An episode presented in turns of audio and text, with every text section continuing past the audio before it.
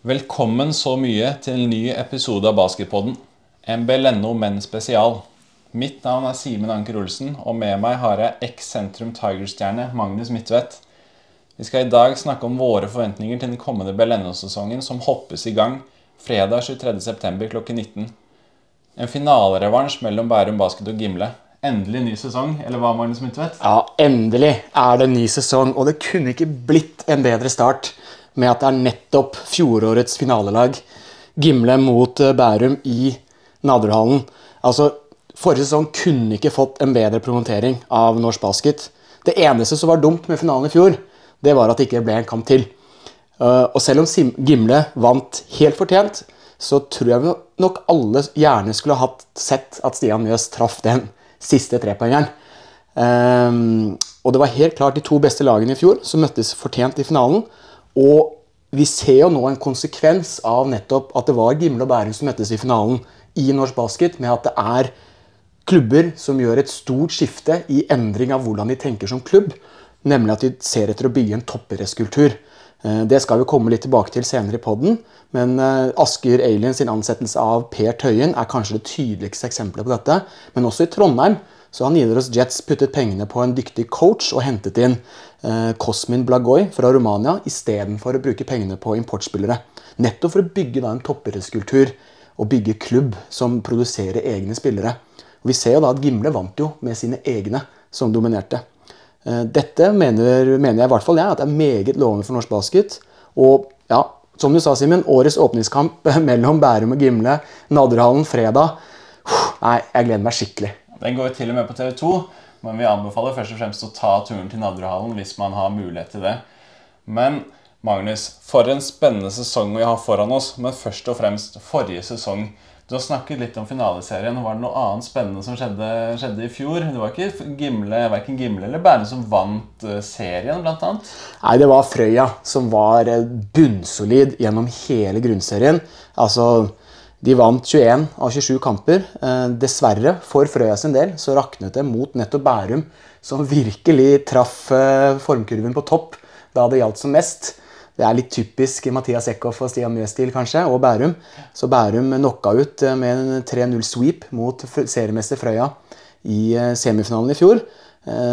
Frøya er veldig annerledes i år enn de var i fjor, men de er nok styrket. Absolutt. Og det er jo et import, importdrevet lag. Det var det i fjor også. Selv om de hadde Johan Flå der i fjor, så er det importene som skal dominere for, for Frøya i år også. Men før vi hopper inn i fremtiden og ser inn i glasskulen og prøver å spå den kommende sesongen, la oss ta litt mer om fjoråret. Vi hadde jo bl.a. en veldig spennende slutt på sesongen. Ikke bare på toppen av tabellen, men også i bunnen av tabellen. Der var det Sentrum og Nidaros som til slutt endte på de to siste plassene. Måtte ut i en ganske dramatisk nedrykkskvalifisering, der bl.a. deltok lag fra Kristiansand, Ullern og Oppsal. Og det som faktisk skjedde der, det var at Sentrum de gjorde rent bord. Her har ikke vi noe å gjøre. De vant alle kampene sine.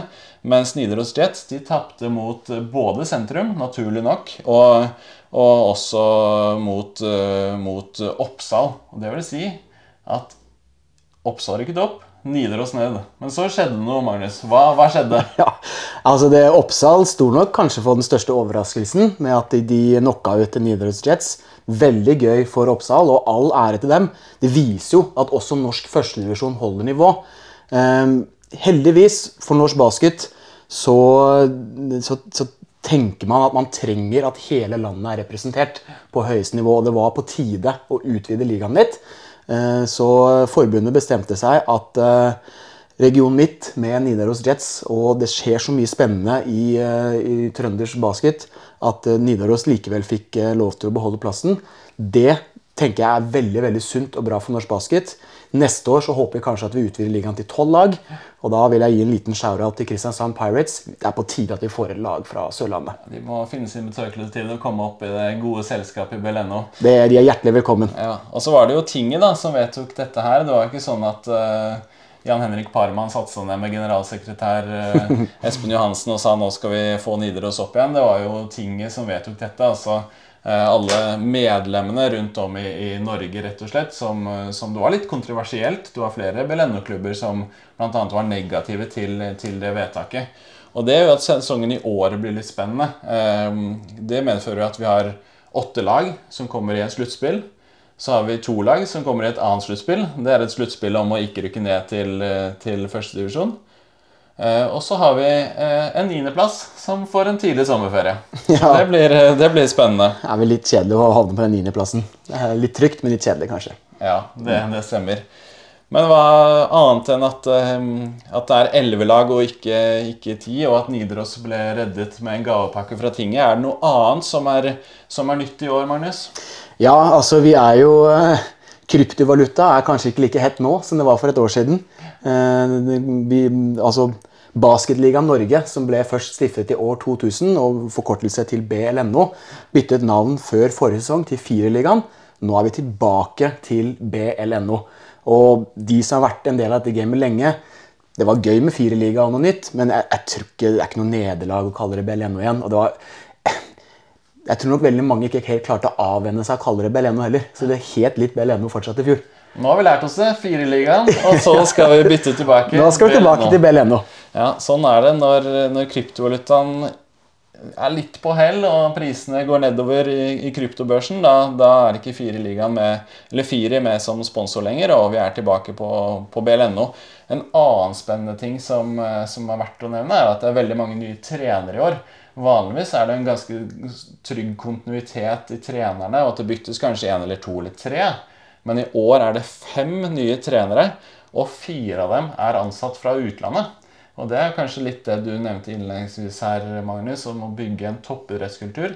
Da trenger man topptrenere. Man trenger folk som er villige til å liksom, jobbe på kvelden og komme alle dagene i uka, ikke nødvendigvis bare én eller to dager og møte opp og si hei i døra. Her, her skal du bygge kultur, og du skal etablere etablere proffe spillere. Da må man ha ordentlig dyktige trenere.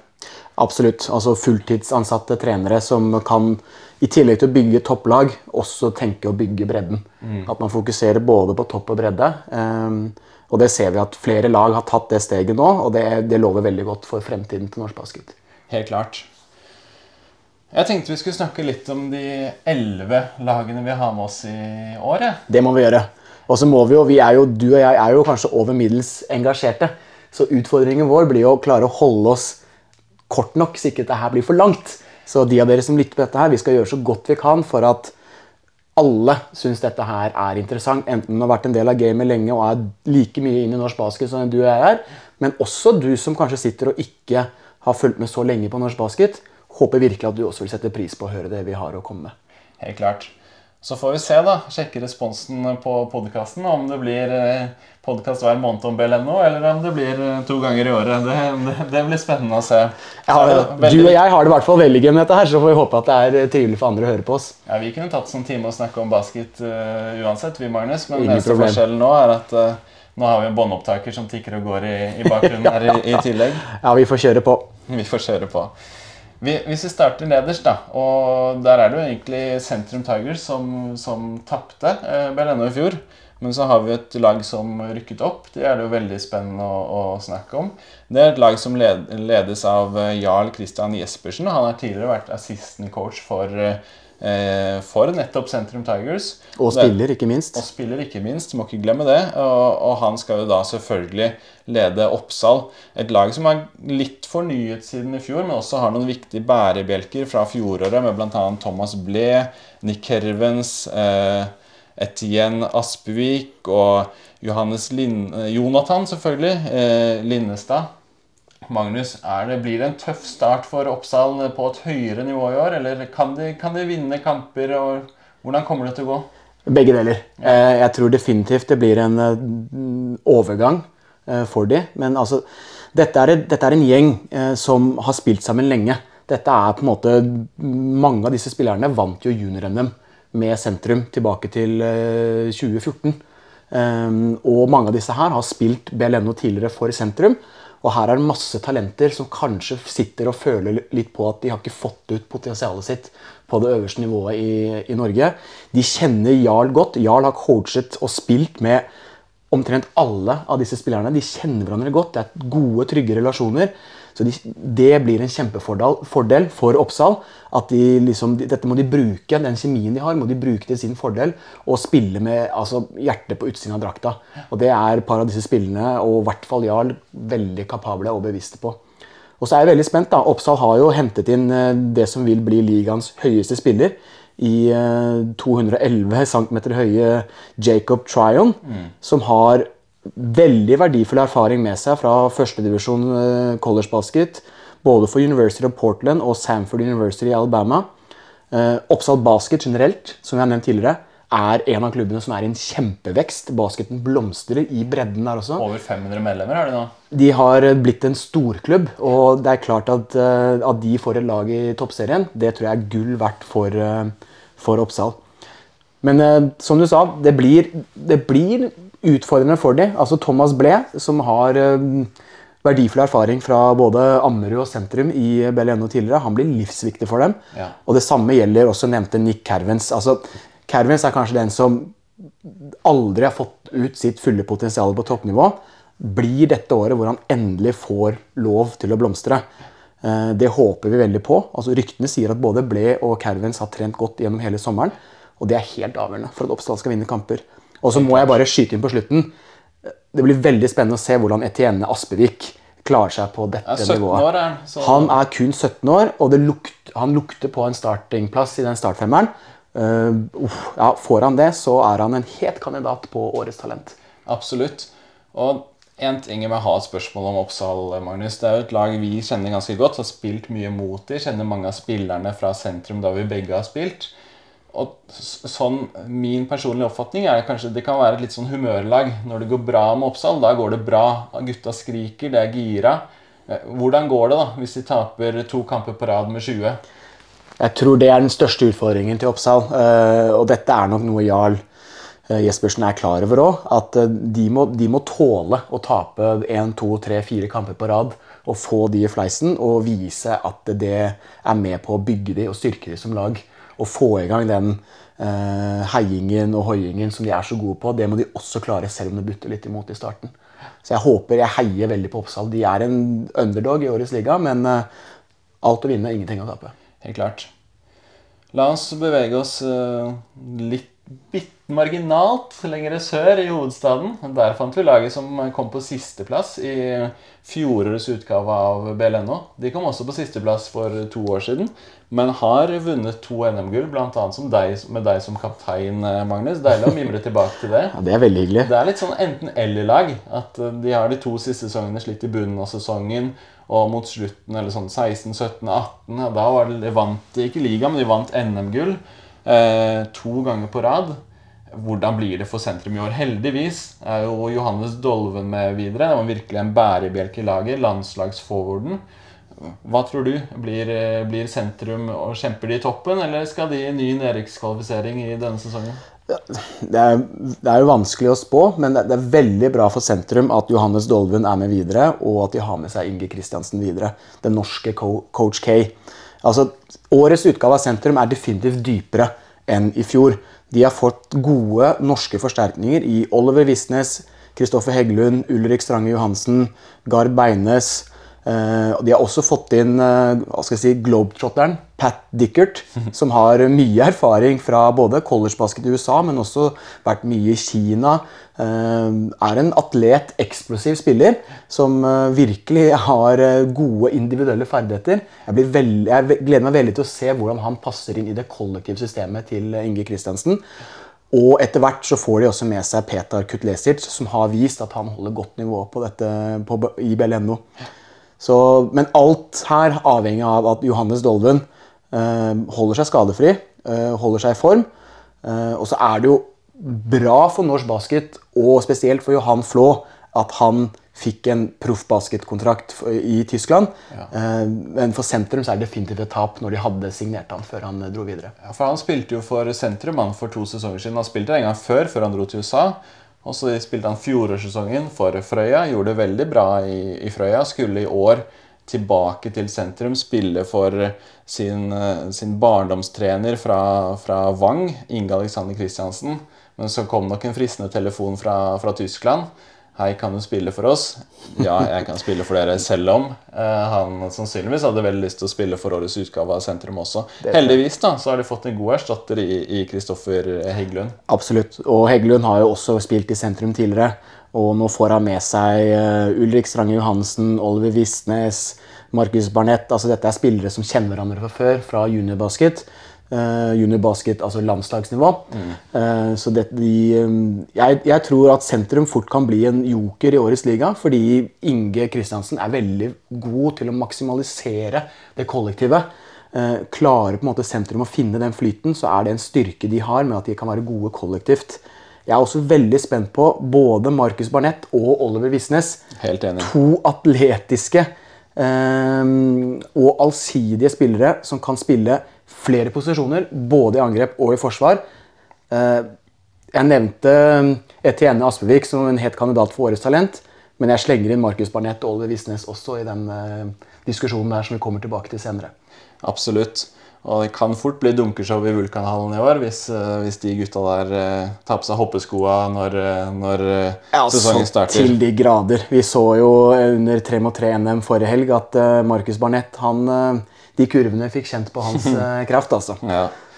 Det kan bli fascinerende oppvarminger i Vulkanalen både med Markus Barnett og Oliver Visnes, og ikke minst eh, nevnte Dickert, da, som uh, har en video på Instagram der han dunker fra, fra straffen. Den er verdt å, verdt å, se på. Ja, det må bare skyte inn det at uh, Er du i nærheten, så må du definitivt ta turen til Vulkanhallen torsdag 29.9., for da er det sentrum mot Ammerud. Og de Oslo-oppgjørene der, de er alltid bra. Og ja, Vi skal snakke litt om Ammerud også, men eh, det er, både Ammerud og sentrum er definitivt styrket fra i fjor. Ja, absolutt. Et annet lag da, som kanskje ikke er nevneverdig styrket, i hvert fall ikke noe særlig på spillersiden, har riktignok fått inn Jacob Biden, kommer til å bli en veldig solid eh, spiller for Nidaros Jets. Eh, men hvordan tror du det blir med de i år? Det er ikke skjedd så mye der på overgangsfronten eh, i år, men de har fått ny coach, da. De har fått inn uh, Cosmin Blagoy fra Romania. Uh, han har uh, mye erfaring fra Romania og har altså tatt tak i i basketen i Bartebyen allerede. All, allerede etablert ulike coachingklinikker for å videreutdanne dyktige coacher i Trondheim. Så allerede i gang med å bygge en toppidrettskultur, som vi nevnte i starten av poden.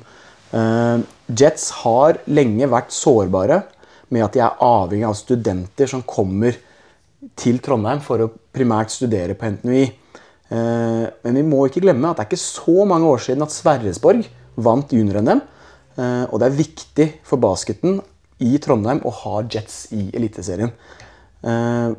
Vi skal ikke lenger tilbake enn ca. fem år. 2016-2017-sesongen.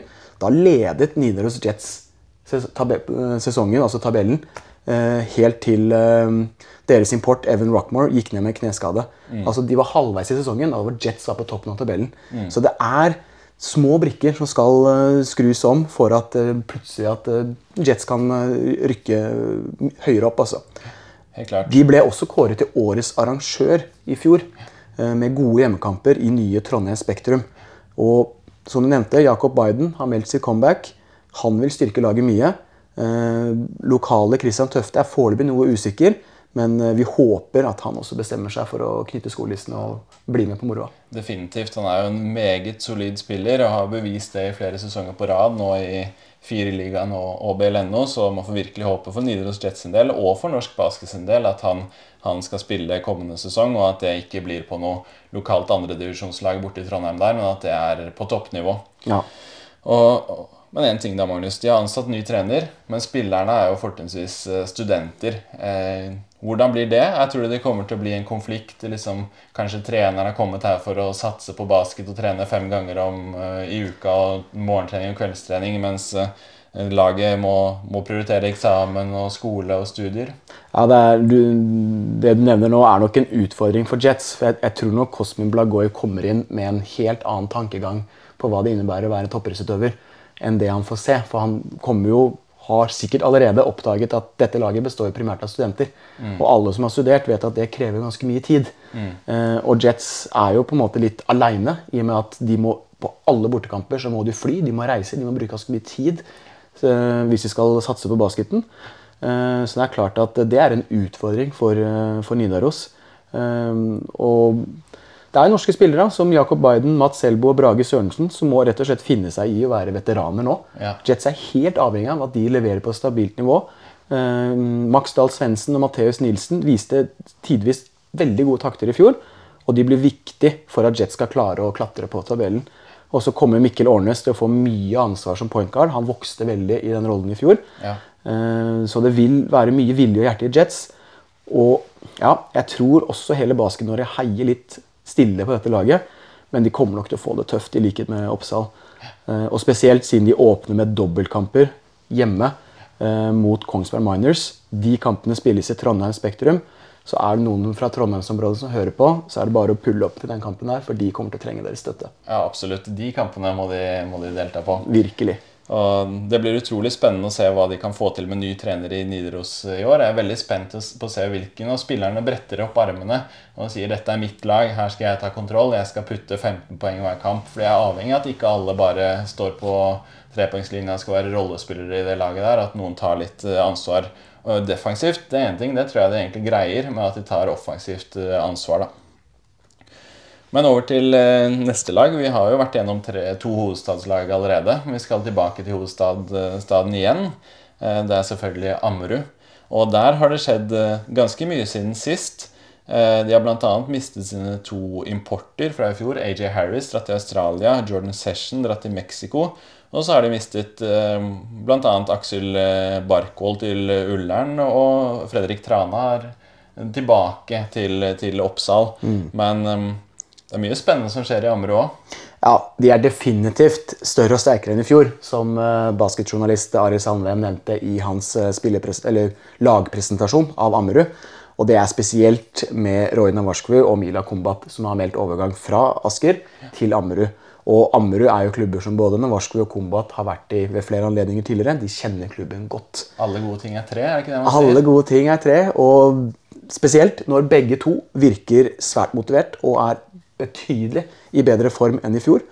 Eh, De har med seg Mustafa Dibba videre, som har levert to knallsterke sesonger hos de grønnkledde.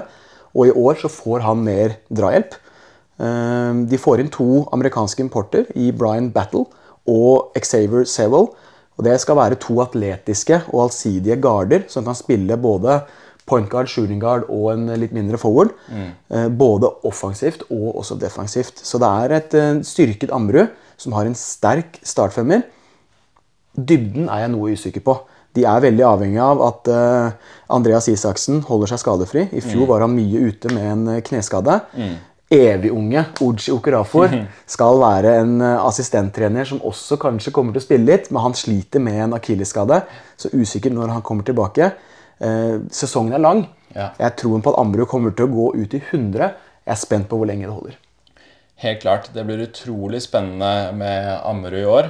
Veldig spent på de nye importene. Også litt spent på hvilken hånd Mustafa Dibba skal skyte med i år. For han byttet vel fra sin første sesong i Ammerud til andre sesong i Ammerud. Det kan jo være bra, det, da. Hvis han skjøt med høyre i første sesong, vel, og, og venstre i, i andre. Du nikker anerkjennende her, så, så Ja, det er en skulderskade som har gjort at han sliter med å løfte armen over eh, skulderen. Så da er det egentlig ganske imponerende at han i voksen alder har byttet skuddarm fra høyre til venstre. helt klart. Eh, og så må det sies at han, det er få i ligaen som er så atletiske. Så Ja, det er. Så det er, det er verdt å turen bare for å se et helt sinnssykt atletisk eh, Det spiller. ser altså. ikke ut som skuldrene hindrer han noe voldsomt i dunking, i hvert fall. For eh, den, den gutten der kan hoppe. Det så kan han. har han fått ett år til på å trene på venstrehåndsskudd, så kanskje han kan bli en bedre midrange-skytter i år. Og hvis han er det, da blir det litt farlig, for da kan du ikke spille så mye av han i forsvaret som mange lag har gjort eh, kommende, eller den, de foregående sesongene. da. Mm. Vi hopper eh, opp til nord. Helst ikke hopping, for det blir et langt hopp. Men la oss, la oss fly, da. Og helt nord i landet. Ikke helt nord i landet, men helt nord på basketkartet. Der finner vi Tromsø Storm. I likhet med, med Nidaros Jets eh, og Frøya så, og, og for så vidt Kongsberg, så har de hentet en ny utenlandsk trener.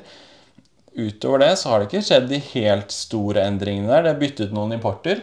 Eh, vanligvis havner jo de litt, litt eh, midt på treet. I fjor var det under Pål Berg sin, sin ledelse. Hvordan blir det i år med ny trener, nye importer, men kontinuitet i form av dyktige Johannes Lange på, på eh, point guard-plassen? Altså, Guttene fra nord de kjenner hverandre godt. Eh, så Det er en styrke de har, at det er lojale, hardtarbeidende spillere som, som virkelig ofrer seg for laget. Mm. Så når de nå er forsterket da, med å hente tilbake spanjolen Sergio eh, Belenia, som coachet de i sesongen 1920 ehm, Nå er han tilbake. Han er en seriøs topptrener som igjen er med å da etablere en toppidrettskultur i, eh, i, Storm. Eh, siden sist så har han fått seg en spansk kjæreste som er bosatt i Tromsø. Så han har signert en toårskontrakt med klubben. Så det er liksom Jeg tipper Storm håper på at han blir værende nå i en, en ja, to- til femårsperiode, nettopp for å bygge en klubb. Det hadde vært veldig greit hvis han for fikk seg en unge der oppe og ble boende, kanskje? Det er nok noe de eh, indirekte håper på, ja. Og så har jo Belenia da henter inn solide forsterkninger i serbiske Petar Radojocic. Litt usikker på om jeg uttaler det riktig. Mm. Det er en 206 eh, cm høy spiller. De har hentet inn canadieren Cole Long, som er 201, og amerikaneren William Billy McDonald, som også er 201. Så det er tre eh, tometersmenn som skal komplementere da med lokale, lojale, hardtarbeidende stormspillere. Mm. Så det lukter uvær fra nord. Absolutt.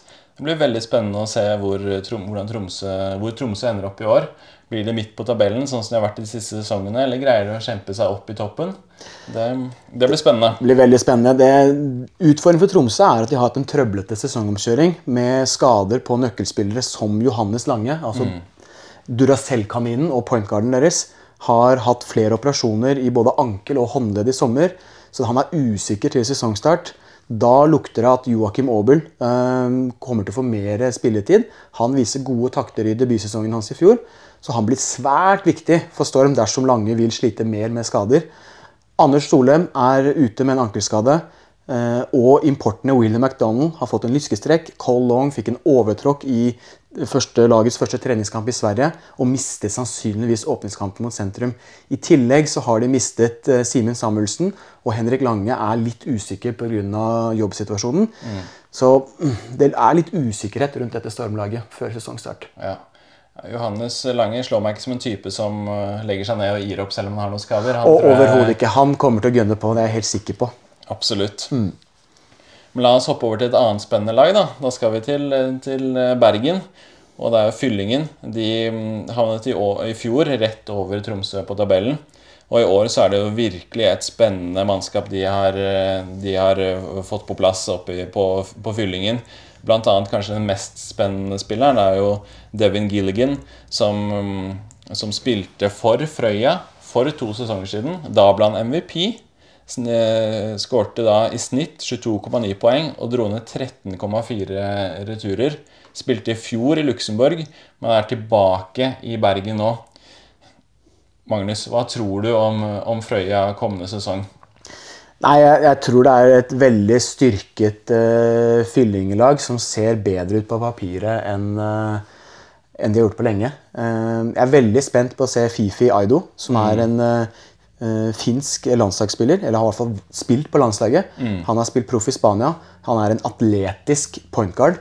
Uh, han, sammen med Dave Gilligan, som vi vet har levert uh, svært gode resultater i Beleno tidligere, og Milo, Milos Makura, som er en 210 cm høy serber med mye internasjonal erfaring. Coach Kalex Blackenjaye sier at nettopp Makura er en lagspiller som forstår rollen sin, så han kommer til å være en rollespiller. Mm. Statistikken hans på ulike nettsider er ikke kjempeimponerende, men nettopp at det at han er en høy lagspiller, vil jo komplementere Fifi Aido og Dave Gilligan, som kommer til å dra mye av lasset for fyllingen. Helt klart. Og det kan jo tenkes at han drar ned en retur eller to da, når han er 2-10 høy. Det er nok litt å forvente, ja. Jeg ville tro det. Og de har eh, faktisk seks importer, de eh, fyllingen. Og det er hvis man regner med Nicolas Ballon, som er halvt engelsk, halvt norsk fra Kristiansund, var, var det jeg leste meg frem til her. Eh, hvordan blir det når fem spillere må dele på, på tre plasser? For det er jo sånn i BLNO at man må ha to nordmenn på banen til enhver tid. Ja, altså det er, det er nok en svakhet for fyllingen. Det er litt tynt med norske spillere. Eh, De kommer nok til å merke at Magne Fivelstad og Carl Ottabor er borte. Mm, det blir mye spilletid sannsynligvis, og mye ansvar på den norske kvota for Nicolas Skauen. Mm. Han er nødt til å levere litt mer stabilt enn det han gjorde i fjor. Pluss at eh, Jakob Røisland han må bevise at all den treningen som han har lagt ned de siste årene, nå er det på tide at det gir resultater. Og så er det spennende å se hvor god den nevnte Nicolas Ballon er, og, han, og om han faller under den eh, norske kvota. Så, mm, men at det er mange spillere som konkurrerer om få plasser, det kommer til å øke konkurransen på trening. Det er på trening man blir bedre, så øh, fyllingen må bruke det til sin fordel. Ja. Det er jo et av de få lagene i Beleno som faktisk ikke har vunnet eh, NM-gull. Så kanskje i år er, er, er fyllingen sitt år. Det blir utrolig spennende å følge med på hvordan de løser rotasjonene på de eh, importspillerne sine. Hvordan de norske spillerne stepper opp. Og ja, jeg gleder meg utrolig til å se, se fyllingen eh, i år. da. Tror jeg også er veldig eh, klokt valg at de har styrket coachingteamet sitt med bl.a. fått inn Carl Ottabor der. En kontinuitetsbærer i klubben. Og mm, ja, Det tror jeg blir, blir veldig bra for, for fyllingene også. Ikke bare styrke seg på banen, men også styrke seg på coachingstaff. da. Ja, og Vi må jo nevne, også at Per Fedja og ikke minst Morten Johnsen er med i det coachingteamet som komplementerer Kalex Black Jaya. De har fire coacher. Det, det kommer de til å få godt nytte av i løpet av sesongen. Det er jeg helt Helt sikker på. Ja, Et annet lag da, der det har skjedd veldig mye spennende, det er, er Asker eh, Aliens. Der har det vært en kan vi kalle det en revolusjon. Ja, Det er skiftet ut trenere og spillere, og snittalderen har eh, redusert seg med hva skal vi si, ti år på startingen nesten. ja, det er mye. Nei, det er eh, kan, Asker er nok det tydeligste eksempelet på De har nok studert eh, finalen i fjor mellom Gimle og Bærum og tenkt at her må vi etablere en toppidrettskultur. Eh, de har signert Per Tøyen som deres trener. Han er tilbake i Asker etter 28 år. Eh, mange eh, vil kanskje si at dette er faktisk årets signering. Det er få mennesker i norsk basket med mer eller bedre basketballerfaring pluss kunnskap enn det Per bisetter med. Og I tillegg så er han svært godt likt som person og medmenneske, så jeg tipper han vil bygge gode relasjoner med samtlige spillere og apparatet rundt i Asker. Eh, han har i tillegg fått med seg Benjamin Cox som assistenttrener, eh, som skal være et trenertalent og hvem vet, kanskje en mulig arvtaker etter Per i fremtiden. Mm. Bygging av toppidrettskultur det krever tøffe valg. Og på, på, papiret så er nok aliens betydelig svakere fordi flere av deres veteraner fra i fjor ikke passet inn i denne modellen. Dette er aliens og Per Tøyen klar over selv. Eh, Og det er klart at Asker nå bygger et lag for fremtiden. Men jeg vil ikke bli overrasket om de allerede i år biter godt ifra seg. De kan fort bli en joker, også de i, år, i årets liga. For vi må ikke glemme at de har med seg Stian Emil Berg. De har med seg Joshua Hart. De har hentet tilbake Ludvig Berg fra Bærum. De har fått inn Jørgen Kjesbu og Anders Landinge, også fra Bærum. Ja. Det gror mye godt rundt i klubben. De har fått en ny hjemmearena, Leikvoll C. Endelig har Asker fått den storstua som de har drømt om i så mange år. Det er velfortjent. Helt klart. Og Det blir utrolig spennende, og så blir det også veldig spennende å se om det dukker opp en, for en amerikansk import på døra i Leikvollhallen. Her skal jeg spille. Og det blir jo spennende å se hvordan det fungerer med den miksen med liksom veteranene, med Stian Emil Berg og Joshua Hart og de yngre spillerne. Man skal ikke kimse av de yngre spillerne heller. De vant jo tross alt junior-NM. Fire, eller fem av de spillerne på det nåværende Asker Aliens-laget. Ja, den eh, Fabulous Four, eh, 04-gjengen med Brage Brustad, Oliver Bergstad, Eldar Arajic og Niklas Sandstrøm, de viste gode takter eh, forrige sesong. De kommer til å få økt tillit nå, og de er nødt til å levere dersom Aliens ønsker å heve seg mot toppen av tabellen. Og ja, flere av disse er også kandidater for Årets talent. Ja, særlig Eldar Alajic er jo en virkelig spennende eh, spiller. Sønn av eks-basket- eller Asker Aliens-stjernen Amir Alajic. Har, eh, følger nå sine fars fotspor. Litt bedre trepoengsskytter enn en faren. Og, og hadde jo i går, eh, ikke i går, men i fjor, eh, noen fantastiske kamper hvor han satt fyr på bl.a. Kongsberghallen med, med mange fine trepoengere. Ja, Det ser ut som Niklas Sandstrøm også har arva spensten til far Patrick Sandstrøm. Så det var noen heftige dunker vi i hvert fall fikk se på oppvarming. Ja. I år tror jeg vi får se flere av høytflyvende dunker fra Sandstrøm også i kamper. Absolutt. Trent med far Patrick en sommer, kanskje. Det, det er susen, det. Det er å anbefale. Det er å anbefale. Ja, vi beveger oss eh, litt mer eh, øst, blir det. Eh, og vi skal til nabokommunen Bærum. Der befinner det seg også et spennende lag som havnet på plassen over Asker i fjor. Asker kom på femteplass, Bærum kom på fjerde. Og der har det skjedd mye spennende siden sist. De er veldig heldige eller, å ha med seg Stian Mjøs videre, landslagskapteinen, og selvfølgelig også Bærum Basketkapteinen. De har med seg landslagsstarteren Sjur Dyberg og også landslagstreneren Mathias Eckhoff. Hvordan blir det for denne trioen her, landslagstrioen, å jobbe i et helt nytt miljø når etablerte spillere som Eric Gilcrease og Philip Spettel er byttet ut med ja, la oss si, en haug med juniorspillere? Ja, det er godt oppsummert, eh, Simen. Eh, men når man har Mathias Eckhoff som coach, når man har Stian Mjøs som pointguard og Sjur Dyberg som en forward, så vet man at Bærum kommer til å være konkurransedyktige også i år.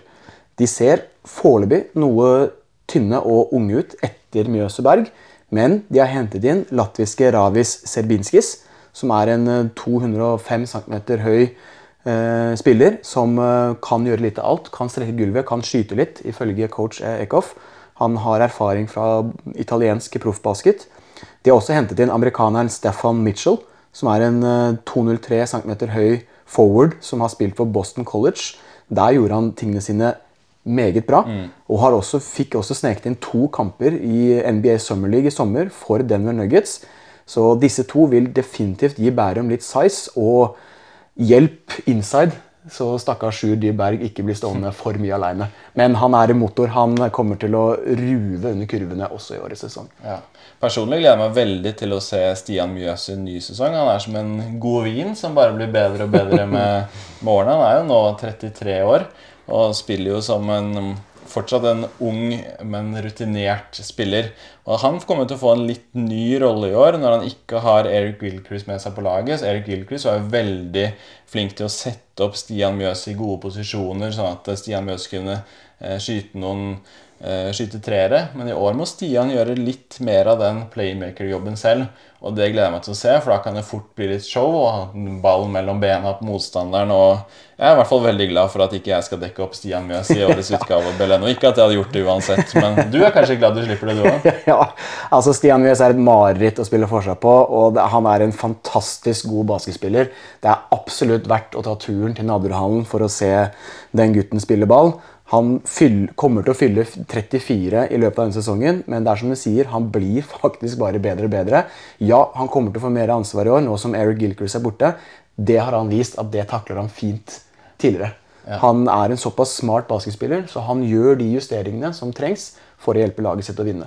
Helt klart. Det blir jo utrolig spennende da, hvordan de skal løse det. Nå har de fire veldig etablerte spillere med de to importene sine. Stian Mjøs og, og i tillegg Stian Mjøs og Sjurdy Berg. Men da er det én plass igjen. Det vil si at det blir en yngre spiller som skal fylle den siste spotten i startingen, med mindre f.eks. spillere som Gaute Haugen gjør, gjør comeback. da. Eh, og så blir det spennende å se hvordan det roterer. Jeg tror ikke importen hos Stian Mjøs og Sjur Dyberg kan spille 40 minutter hver eneste kamp, selv om gutta er godt trent. Sjur Dyberg var jo syklist eh, før, så han skal nok greie å, å, å holde noen minutter. Han har en ganske tøff, tøff spillestil. Ja, de har det. Så det er Utfordringen til Bærum er at det er noe tynt bak disse fire storspillerne. Eh, Men er det noe vi vet, så er det at Mathias Eckhoff han klarer å maksimalisere eh, prestasjonene med de spillerne han har tilgjengelig. Så Bærum blir å regne med. Det er jeg ganske sikker på. Eh, Og vi skal ikke se bort ifra at de også blir styrket utover sesongen.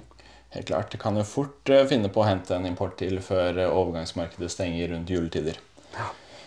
Og Bærum de møtte Gimle de i finalen i fjor. Og man skulle jo kanskje tro at da vant de serien i fjor også, siden det var de lagene som møttes i NM-finale. Men det gjorde de ikke. Eh, Bærum kom på fjerde, og Gimle kom på, på tredje. Riktignok sterkt preget av koronapandemien i fjor. Må ikke glemme det. At eh, mange lag var, hadde mye smittetilfeller, mye karantene. Gimle var ett av de. Spilte jo med førstedivisjonslaget sitt, eh, pluss noen Beleno-spillere i et par, par kamper i fjor. Da tapte de bl.a. mot Nidaros Jets, som de befinner seg i utgangspunktet helt på forskjellig ende av, av tabellen.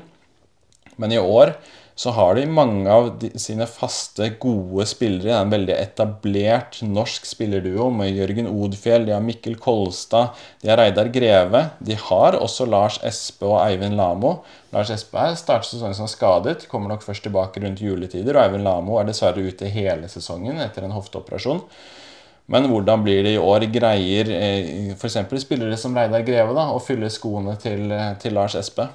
Ja, jeg, jeg, har veldig troen på at dette blir den virkelige gjennombruddssesongen til Reidar Greve.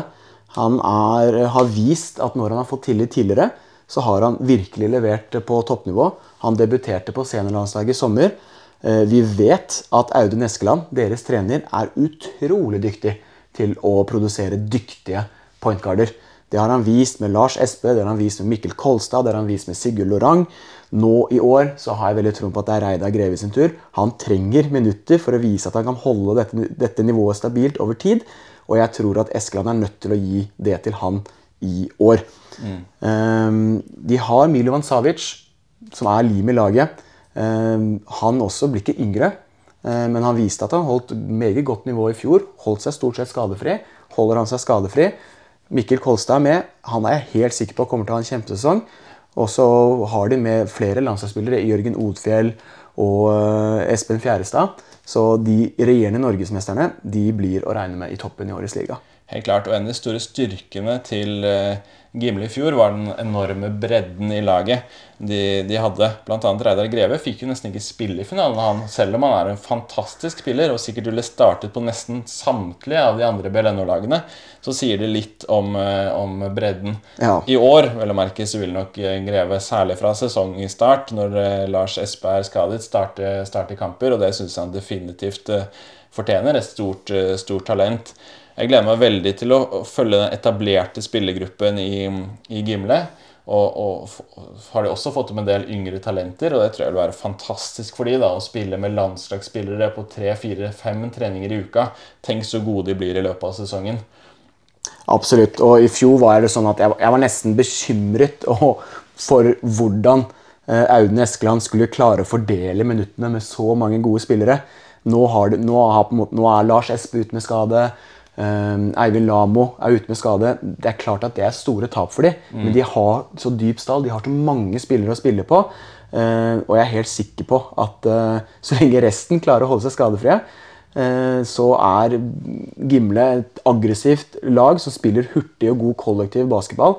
Ja, det tærer litt på kroppen, men disse gutta er godt trent, og de kommer til å tåle det. Men det kan bli skummelt for dem dersom Savic eller Mikkel Kolstad skulle gå ut med noen skader. Helt klart. Det blir utrolig spennende å følge, følge Gimle i år. La oss hoppe tilbake til Østlandet. Der finner vi laget som kom på andreplass i fjorårets sesong.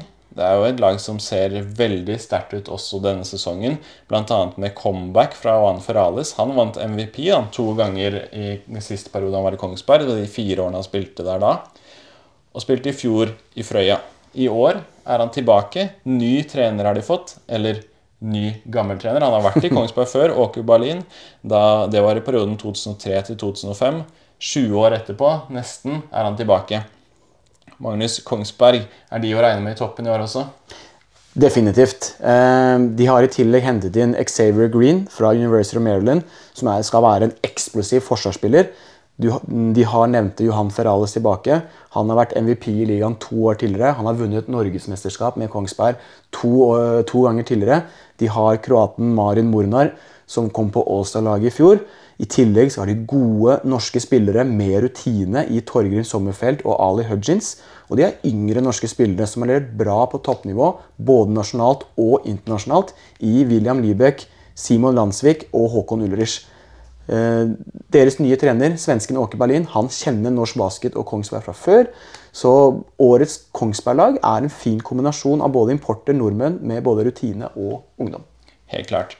Og så ser jeg at kanskje sånne spillere som Frøy, eller lag som Frøya, som vi kommer til etterpå, ikke har kanskje den samme balansen mellom importer og, og norske spillere. Sånn som Fylling kanskje også. så er den balansen fremstår veldig god i Kongsberg med etablerte spillere. Har jo to landslagsspillere med på, på laget i år, bl.a. Torgrim Sommerfelt har vært med i alle vinduene til det norske landslaget. Utrolig gode skytter. Så er det Håkon Ullerich, som var veldig uheldig i fjor. Da skulle de kjøre til, til Nidaros på kamp, og, og krasjet eh, på veien i bil. Det endte med brudd i nakken det for, for Håkon og resten av sesongen på sidelinjen. Han var med landslaget på tur til Slovakia og Danmark. Spilte riktignok ikke.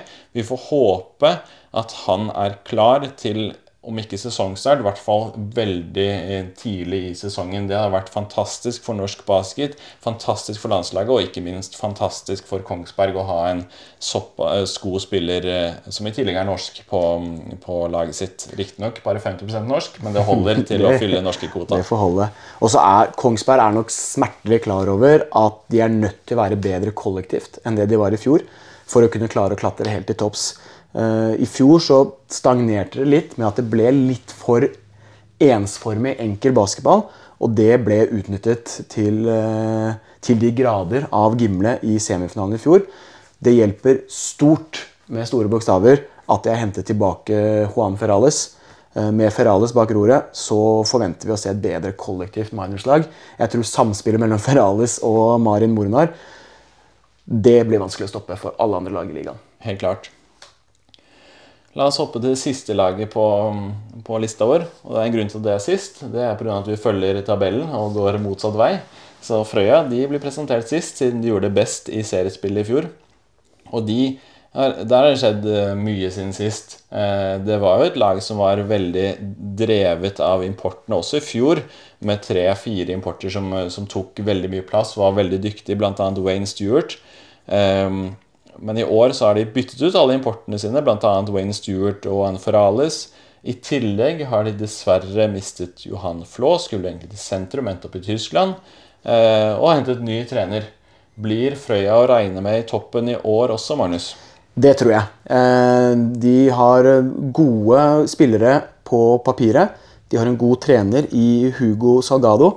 Han er ung, men har allerede mye erfaring fra både portugisisk og islandsk basket. Eh, deres tidligere coach, Bård Stoller, som ble årets trener i fjor, han har gått over til en daglig lederstilling. Eh, Frøya er også en klubb som vokser i bredden.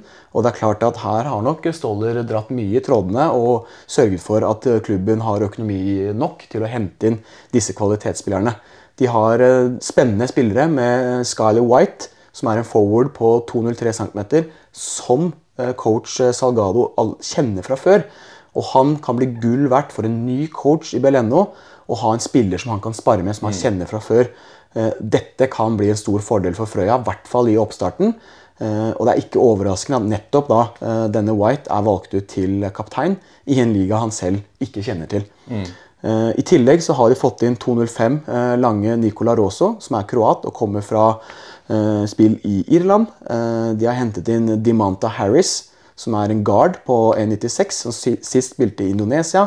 Og kanskje den mest spennende nysigneringen det er John Knight III, som er en 23-åring som kommer rett fra Southern Euro University, som skal være en atletisk, eksplosiv, høytflyvende spiller som med ganske stor sikkerhet kan bli en publikumsfavoritt. Ikke bare for hjemmepublikummet i Frøya, men for norsk basket generelt. Det lukter noen saftige dunker? Søk opp John Knight III på YouTube, og du får se en eh, vanvittig atletisk pointguard. point guard. Da har alle en hjemmelekse til eh, sesongstart her. Absolutt. Så er det jo det er jo sånn med Frøya da, at de har drevet av importene sine. Mange gode importer. Man skal ikke glemme spillere som Jaran Tveito, som, eh, som eh, Lamo. Det er bror Endov, broren til Chris Endov på landslaget. Altså Det er dyktige spillere det er snakk om her også. så har man kanskje tenkt at disse spillerne er unge. Ja, de er unge, men de har også spilt i Beleno mange år nå. De har spilt sammen i mange år, og de, de, de vet hva som møter seg så snart de går på Beleno-parketten. Det er ikke et nytt fenomen for mange av disse spillerne, selv om de er under 24 år. da. Absolutt. Og ja, Jørgen Lamo, Kristoffer eh, Dalland er også en uh, ung spiller som er verdt å nevne. De har fått inn uh, Kim Abdu Endo, som er lillebroren til Chris Endo. Eh, dette er spillere som er verdt å følge med på. Eh, og det som er fint med å ha gode, etablerte importer, er at de det hever jo nivået også på trening. Mm. Så for alle disse yngre, dog uerfarne, men talentfulle unge norske spillere, de ser hva slags nivå som kreves. Så de, hver dag på trening så klarer de å heve seg, bli litt bedre for hver eneste trening. Det kommer nok til å svinge litt for Frøya i starten, i og med at de er såpass mange nye spillere. Eh, men med disse unggutta, som alle er hete kandidater til Årets talent, så jeg tror Frøya gjør lurt i å slippe til disse tidlig. De er nødt til det, for de har ikke så mange andre å spille på. Um, og klarer de det tidlig i sesongen, så tror jeg de klarer å spille på seg en formkurve som gjør at de når toppen i sluttspillet, og ikke i løpet av grunnserien, som de gjorde i fjor. Ja. Det blir utrolig spennende å, å følge med på utenlandske og unge Frøya denne sesongen her. Men Magnus, la oss hoppe over til neste post på programmet. Begynner å nærme oss ferdig nå, har snakket om alle lagene. Men la oss tippe litt, da. Det er alltid gøy. Tippe hvem vi tror ender opp på de ulike plassene på årets tabell. Og her er det veldig viktig å poengtere at dette er våre personlige meninger. Det er ikke sånn at dette er Basketforbundet sine meninger. Nei, det. Det, er, det, er, meg og deg. Og vi har lov til å ha meninger, og de, de, kommer frem her, da. Og det som er litt gøy, er at eh, vi har gitt hverandre en liten lekse. Så jeg vet ikke hvordan din eh, tabelltipp ser ut, og du vet heller ikke hvordan min ser ut. Så eh, hvem av oss skal gå først? Jeg tenker, Vanligvis sier man de eldste først. Det hadde i så fall vært meg. Men kan, du er på besøk hos meg hvor vi spiller i podkasten, så jeg lar deg få æren. Jeg, Magnus. Skal vi starte i topp eller bunn, da? Det er det mest spennende å spare de vi tror er best til slutt. er det ikke det da? Ja. Og før jeg begynner, så vil jeg bare si at jeg heier på norsk basket. Jeg heier på alle lagene. Jeg gleder meg til å følge med på alle lagene. Jeg er så heldig, Vi er så heldige. Vi kommer til å få gleden av å kommentere brorparten av Sentrum sine hjemmekamper og Asker sine hjemmekamper. Og jeg håper å få kommentert alle disse lagene flere ganger i løpet av sesongen. Så jeg vil bare si at jeg heier på alle. Du skal ikke ha noen hatmeldinger på, på, Facebook og Instagram? Helst ikke. Helst ikke. Men jeg må, selvfølgelig, her kommer folk til å være uenige med meg. Men uh, shit au, la oss gå. Uh, nummer 11, altså sisteplass på tabellen, der har jeg plassert uh, Oppsal. Uh, det er mye vilje, mye hjerte, mye innsats. Eh, de kommer til å overraske i flere kamper, det er jeg helt sikker på. Men nivået i ligaen er så høyt eh, at det dessverre ikke kommer til å holde til en sluttspillplass. Nummer ti så har jeg Nidaros, som er i litt samme posisjon som Oppsal. Det er mye vilje, mye hjerte, mye innsats. Jeg er helt sikker på at de kommer til å hevde seg og konkurrere og til og med slå flere av topplagene. Men eh, det kommer ikke til å holde til å klatre høyere på tabellen. Alle plassene mellom seks og ni har jeg bytta på flere ganger i løpet av dagen. Jeg syns det er kjempevanskelig nå før vi har sett en eneste kamp. Eh, så her er jeg Jeg håper jeg tar feil med flere av disse lagene her. Men, det har jo mye å si hvordan importer det er. Det vet man veldig lite om. Man ser statistikker, man ser videoer. Det er, men det er noe helt annet å se disse spillerne på banen i Norge i BLNO. Det er et veldig godt poeng. Der kom du med forkjøpet. Det er nettopp derfor jeg har plassert Ammerud på niendeplassen. Det blir spennende å se Battle og Sewell, de nye amerikanske importene. Eh, de trenger stabile kollektive prestasjoner fra Navarskvu, Dibba og Kombat. Eh, de kan fort overraske og klatre mange plasser opp. De har en veldig solid femmer-sekser-rotasjon. Dessverre tror jeg det er blitt for tynt i lengden i løpet av en lang sesong. Nummer åtte så har jeg Asker Aliens. Eh, Stian Emil Berg og Josh Hart kommer til å ha kjempesesonger. Det er jeg helt sikker på. To ekstremt dyktige spillere. Det blir veldig spennende å se hva slags import de eventuelt får. Det kan endre mye hos de gullkledde. Eh, og jeg er helt sikker på at eh, Aliens i løpet av sesongen allerede i år, selv om de bygger og lar for fremtiden, kommer til å klatre høyere på tabellen. Jeg vil ikke bli overrasket om de kommer høyere enn plass åtte. Nummer syv så har jeg Sentrum Tigers. Jeg er helt sikker på at uh, Johannes Dolven han er en vinner, og han er revansjesugen fra i fjor. Uh, jeg er sikker på at han kommer til å få en kjempesesong. Pluss at flere av de nye norske spillerne deres kommer til å steppe ikke bare ett, men to og tre hakk opp. Uh, de har en god coach i Inge Kristiansen, så jeg tror det kollektivet hos Sentrum kommer til å hjelpe dem mye og klatre opp til en syvendeplass. Kanskje til og med høyere. Nummer seks så har jeg Tromsø Storm. Jeg er bekymret for skadeproblematikken de har, spesielt på Johannes Lange. Savnet av Simen Samuelsen kan bli større enn det man kanskje tror. Og så blir det veldig spennende å se om Henrik Lange klarer å kombinere jobb som politi med toppidrettssatsing. Får de med seg Henrik Lange og importen deres sklir inn i deres kollektivsystem, Da kan fort Storm også finne på å klatre høyere. Fem, der har jeg eh, Bærum. Jeg tør ikke å tippe et lag med Mathias Eckhoff, Stian Mjøs og Sjur Dy Berg lenger ned. Eh, men det er, de havner nå på en femteplass fordi de virker litt tynne, spesielt på guard-siden. Nummer fire så har jeg fyllingen. Eh, Dave Gilligan kommer til å lede an.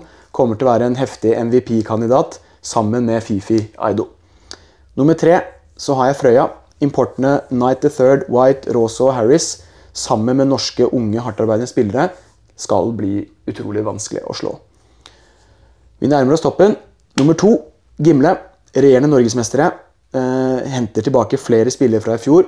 De har virkelig grust Frøya i treningskamper før sesongen. Så det var egentlig grunnen for jeg hadde Frøya og Gimle som veksler mellom andre- og tredjeplass, men jeg endte med å sette Gimle på nummer to. Og nummer én så har jeg Kongsberg Miners, nettopp fordi de har erfarne BLNO-spillere som kjenner norsk basket godt. Jeg syns det er veldig gode argumenter her, Magnus. Og mm, det blir spennende å se da, hvem som har mest rett til syvende og sist. Vi kan ta opp dette her igjen på slutten av sesongen. ja, det er vi nødt til å gjøre. Det skal vi gjøre. Uh, og jeg har mye likt. Ok, jeg er spent. Uh, jeg har rotert de to nederste plassene. Ok. Jeg tror at uh, Oppsal kommer til å havne over Nidaros Jets. Nidaros Jets for 11.-plassen. Oppsal 10. Vi så jo litt tendenser til det i kvalifiseringsturneringen som var på slutten av sesongen i fjor for å spille i Belleno. Da vant Oppsal. Nidaros tapte. Siden det så har Oppsal styrket seg. Nidaros jeg får riktignok fått Jakob Biden og ny, ny, trener, men de har også mistet Mihailo Krivokapic og også eh, importen sin. Det skal sies at de ikke skal ha import i år. Jeg tror det blir litt for tøft for Nidaros, som også må spille alle kampene sine borte. Eh, alle bortekampene sine borte og virkelig reise. Det er ikke bare å ta sykkelen bort til Apaløkka fra, fra Gullkanalen. Vi er riktignok en, helt enige på niende- og åttendeplass. Eh, Ammerud der niende her også tidligere sesonger har vi sett at det har skortet litt på det kollektive. Eh, jeg tror definitivt det er et lag som kan overraske. De hadde en ganske lik lineup for en fire-fem sesonger siden med to-tre gode importer og norske spillere rundt det, og da vant de jo serien. Så alt kan skje. Ammerud kan vinne. Jeg tror det blir rekordjevnt i år.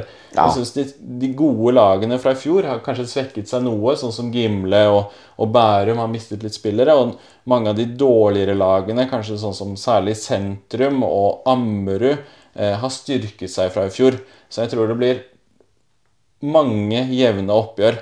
Men jeg skal ikke stoppe opp. Um, har, jeg har også rotert, i likhet med 10. og 11. plassen, der hvor du hadde Nidaros nederst og Oppsal på, på 10. Uh, eh, jeg hadde Oppsal på 10. og Nidaros nederst. Så jeg har byttet om uh, på, på 6. og 7. plassen.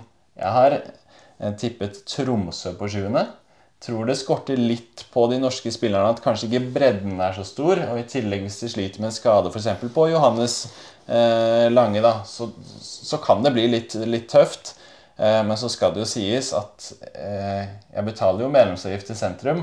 Eh, spiller eller tipper kanskje litt med hjertet når jeg setter sentrum helt oppe på en sjetteplass. Det blir jo en eh, rekord sett i forhold til de siste sesongene og fra sist de vant, vant NM-gull med bl.a. deg, Magnus.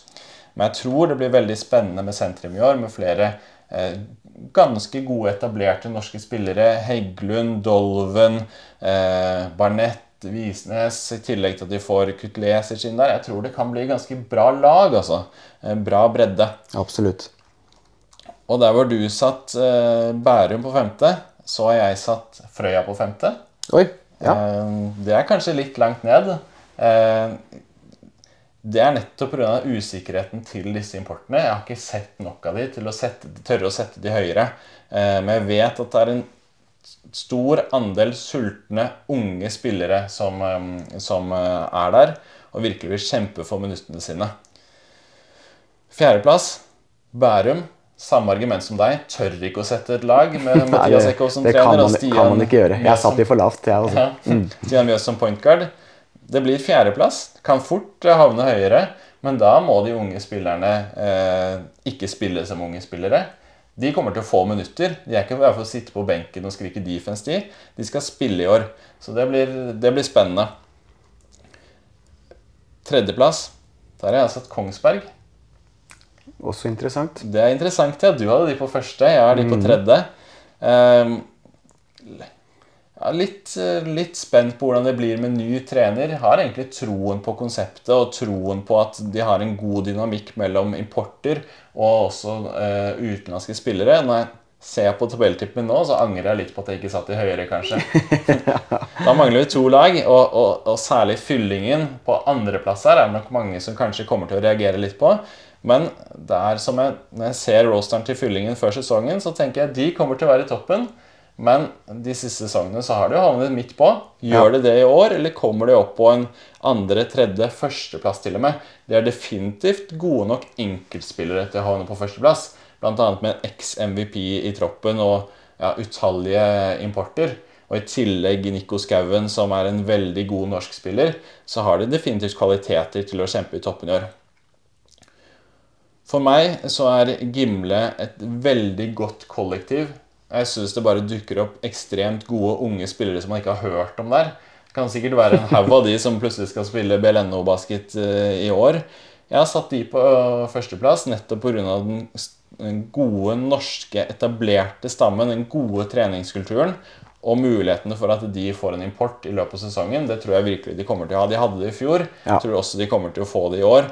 Og med en rotasjon på en sju-åtte spillere som alle holder et landslagsnivå, så tror jeg de kommer til å være å regne med.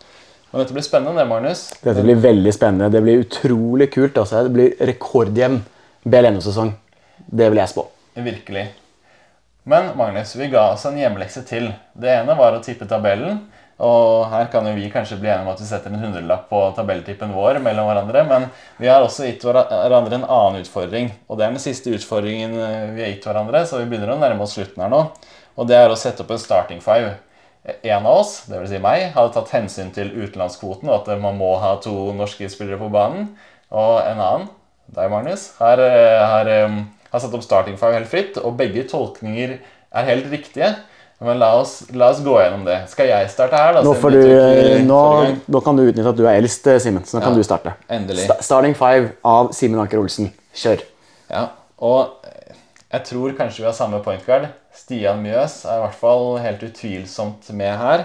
Tror han kommer til å være utrolig god i år også, og, spesielt i en ny rolle. Gleder meg veldig til å se Stian Mjøs når han liksom skal være arkitekten. Eh, det har han jo egentlig alltid for Bærum, men i, fjor fikk han veldig mye drahjelp av Erik Gilcrease. I år må han greie seg litt mer selv på guardspotten. Eh, utvilsomt eh, starting point card hos meg. Og Så kan jeg hoppe over til en annen som jeg satt veldig kjapt ned på, på blokka her. Det var Gilligan, eks-MVP-en. Um, ehm, som, som uh, virkelig var god i Frøya sist. Fortsatt ung spiller, 28 år, er egentlig innenfor sin prime, så jeg tror han kommer til å være veldig god også i år. De to andre importene mine er én spiller på, på Kongsberg og én på Gimle. Da er det veldig lett å tippe seg frem til hvem det er på Gimle, siden de har bare én import. Det er um, Miroslav Savic. Veldig god senter. Syns han ble um, nesten bedre og bedre i løpet av sesongen i fjor og peaket egentlig i finalen. Men han er 37 år. Det blir spennende å se hvordan han leverer på nok et år i, i Gimle. Så over til importen fra Kongsberg. Det kan jo egentlig være to spillere. Eller tre. De har jo mange gode importer. Men jeg har valgt Marin Mornar for å få høyde i laget mitt. Han kan space i gulvet, han kan skyte. Vanvittig god spiller. Og så over til min andre norske spiller. Her kunne det vært flere som kunne vært aktuelle. Mange som spiller på Gimle. Nico Skauen kunne vært med her. Det er eh, Stian Emil Berg. Jeg har valgt Mikkel Kolstad som min mann. God skytter, kan ta ballen til kurven. Ekstremt god forsvarsspiller. Og så kan det hende, da, at eh, Juan Ferales ville vært en god kandidat inn her hvis man hadde hatt ubegrenset importer. Så det får stå Ferales i, i parentes. ja. Tillates det? Ja, det tillates. Vi har, eh, vi har, ganske likt. Tre av spillerne våre er like. Altså, det er vanskelig å la være å ta med Stian Mjøs i denne starting fiven. I hvert fall nå når han kommer til å få mer ansvar i Bærum. Kommer til å levere noen helt sinnssyke tall.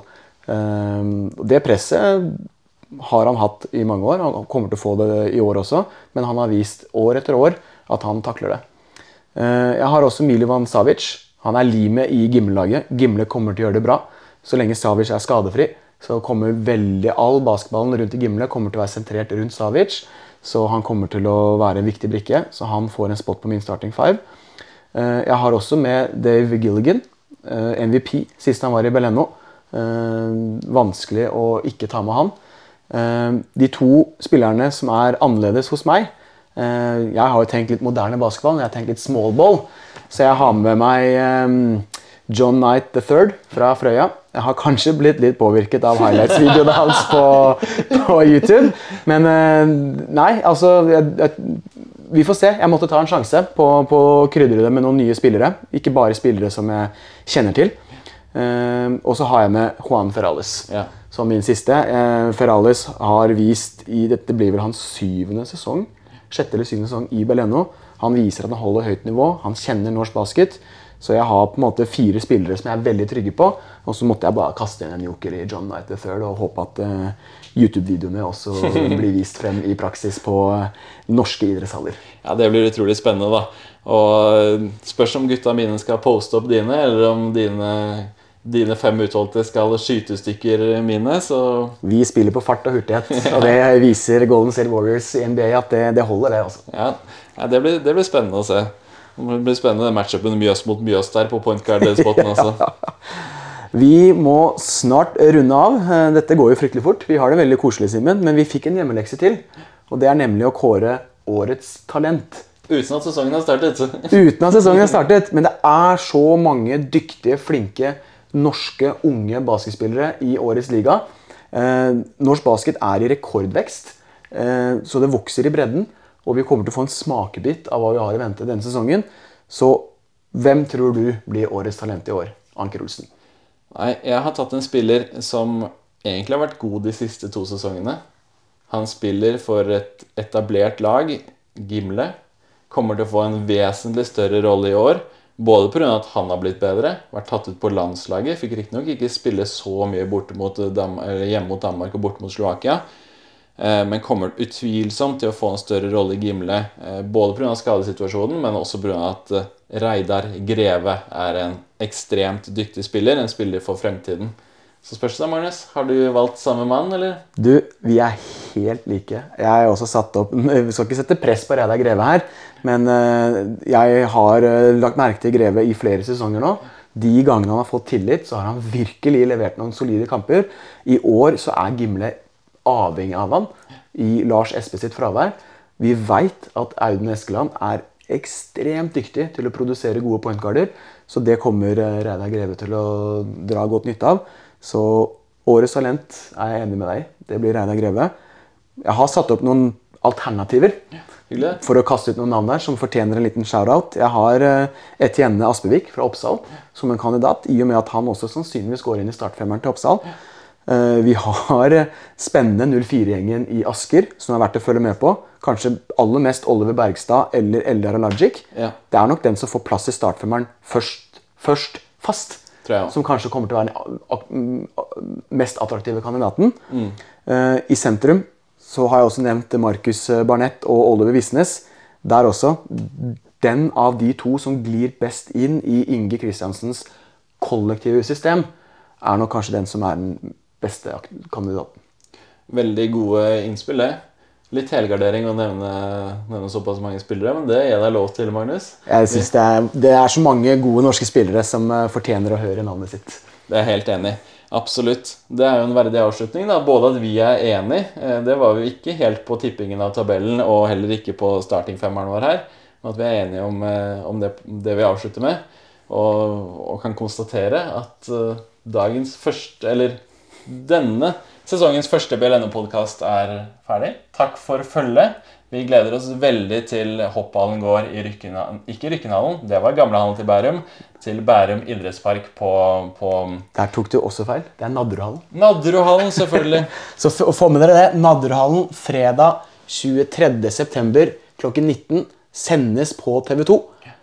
Men møt opp i Nadderudhallen. Det blir, det blir fantastisk. Det blir show. Helt klart. Takk for følget. Ha en fin dag.